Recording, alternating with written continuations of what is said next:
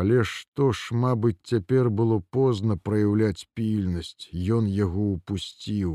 Дарэчы, са зброяй, бураўскім наганам у кішэні, як бы неўзабаве не атрымаць з яго кулю ў лоб. Каб яно ўсё згарэла, лаяўся войцік, які нячысцік наслаў на яго гэтага здрадніка. Чым бліжэй яны падыходзілі да партызанскай пушчы, тым усё больше неспакоя гортаваў войціка і ўсё праз таго сушэню. Хвілін можа праз дзесяць пасля сушэння войцік таксама падняўся, яшчэ раз паслухаў, быццам нідзе нікога. Наваколле прыцьмела, ужо трэба было добра ўгледзецца, каб адрозніць у долі гнілы пень ад маленькай хвойкі. Пад нагамі часам глуха шорхала апалае лісце, і ён стараўся ступаць цішэй. Ціхенька выбраўся з драбноты подлеска, падышоў да дарожнай выемкі, зірнуў адзін канец гразкай шашы гравейкі, у другі, трохі памарудзіў і па крутаватым адхоне засцярожліва, каб не ўпасці, пайшоў уніз. Толькі ступіў некалькі крокаў, як паслізнуўся на стаптаных абцасах, і ягоныя вінтоўкі ззаду знянацку стукнуліся прыкладамі. Стукнуліся зусім трошки, ледзь-ледзь, але тут, над шашой іхні стук прагучаў страхавіта далёка, і войцік занепакоены зірнуў па баках і насупраць і ў тое ж імгненне ён сцяўся, знерухоміў зусім збянтэжаны. На тым баку за адхонам шарэлі ў тумане нерухомыя постаці двух чалавек. Адзін, як можна было зразумець, узіраўся праз хмызняк у поле, а другі тонка падпяразаны і высокі бы жардзіна, трывожна матлянуў рукой: стой! Крутнуўшыся на травяністым схіле, войцік адразу сцяміў, што ўліп. Чамусьці на імгненне здалося, што другі побач з гэтым даўгім сушэння, значыць, навёў, падпільнавалі ўрэшце. Войцік роспачна сігануў па адхоне ў гару.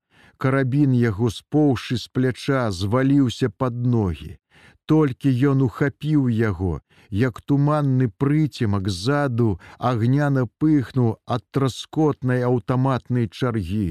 Кулі ударылі ў траву на адхоне, здаецца, адна ляснула па карабіне з ціхім вуркатам адляцела ў цемру. Ззаду ўжо закрычалі злосна і патрабавальна, зноў пратрашчала чарга, здалося бліжэй. Яму ўжо зусім трошки заставалася гэтага адхону, у лесе ён можа б уратаваўся, але ўсё ж не хапіла якіх пяці метраў. Куля з наступнай чаргі імпэтна выцяла пад лапатку, бы загнала ў грудзі гарачы кастыль. Ён захліпнуўся, выпрастаўся і паляцеў назад, уніз галавой па мокрым травяністым схіле. Вінтоўкі таксама паляцелі кудысь з плячэй, ды мусіць, вінтоўкі яму ўжо былі непатрэбны. Ён ужо адчуў, што забіты. Забіты недарэчна, не ў пару, по-дурному, праз сваю неабачлівасць. Нашто ён пусціў сушэню?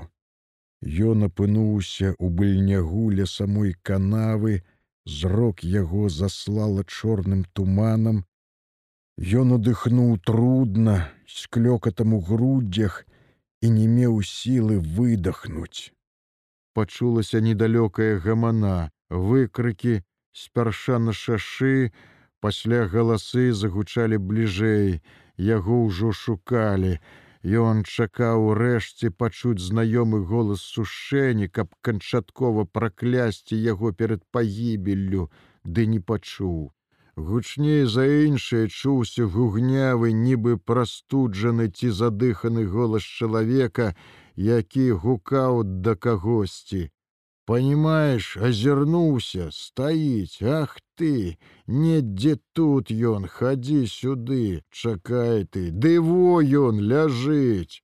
Голас той быў не сушэняў, але надта знаёмы войчыку, які ўжо чуў яго недзе, толькі цяпер не мог прыпамятаць дзе.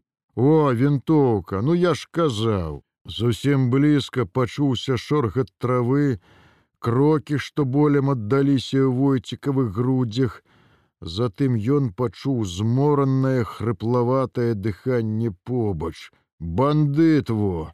задыхана вымавіў нехта, дужа дзеўбануўшы яго нагою ў бок, забіты, забіты мусіць.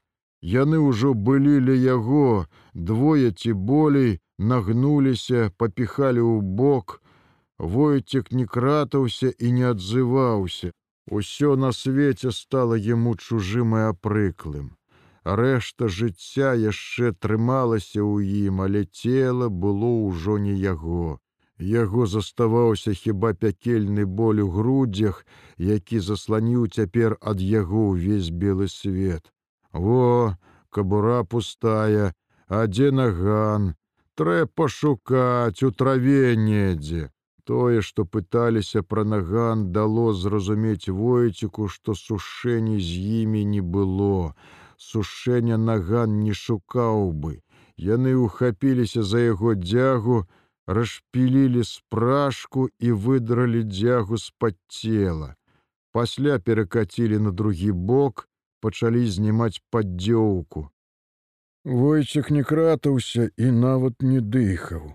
Ён ледзь трываў боль і амаль не адчуваў свайго цела.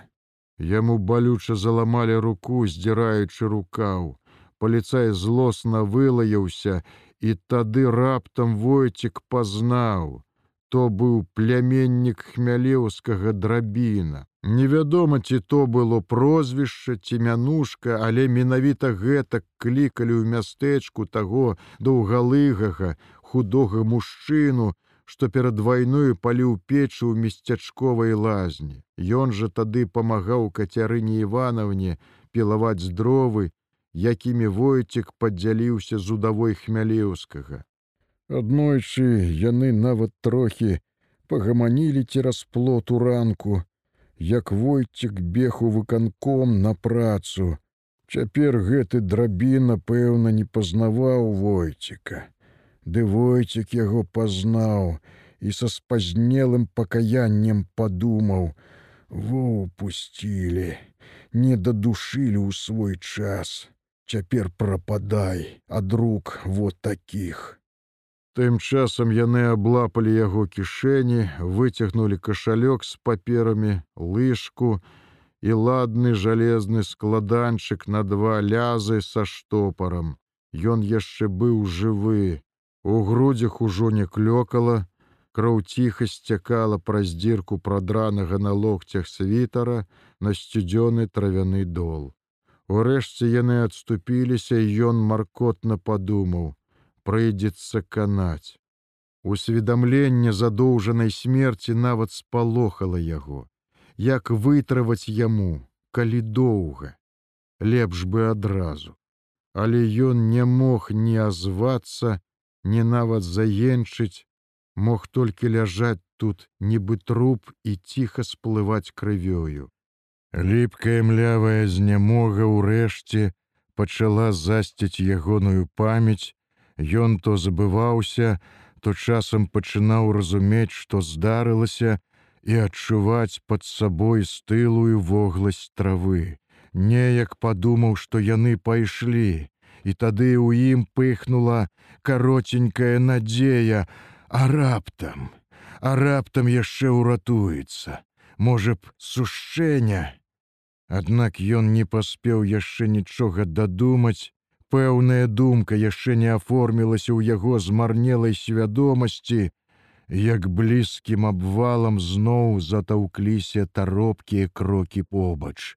Гамашыў яго, надта гучна ўначы прагучала паблізу, і войцік адчуў балючы удар па назеля калена. Давай хутка, паліцай мусіць прысеў ля яго на кукішкі.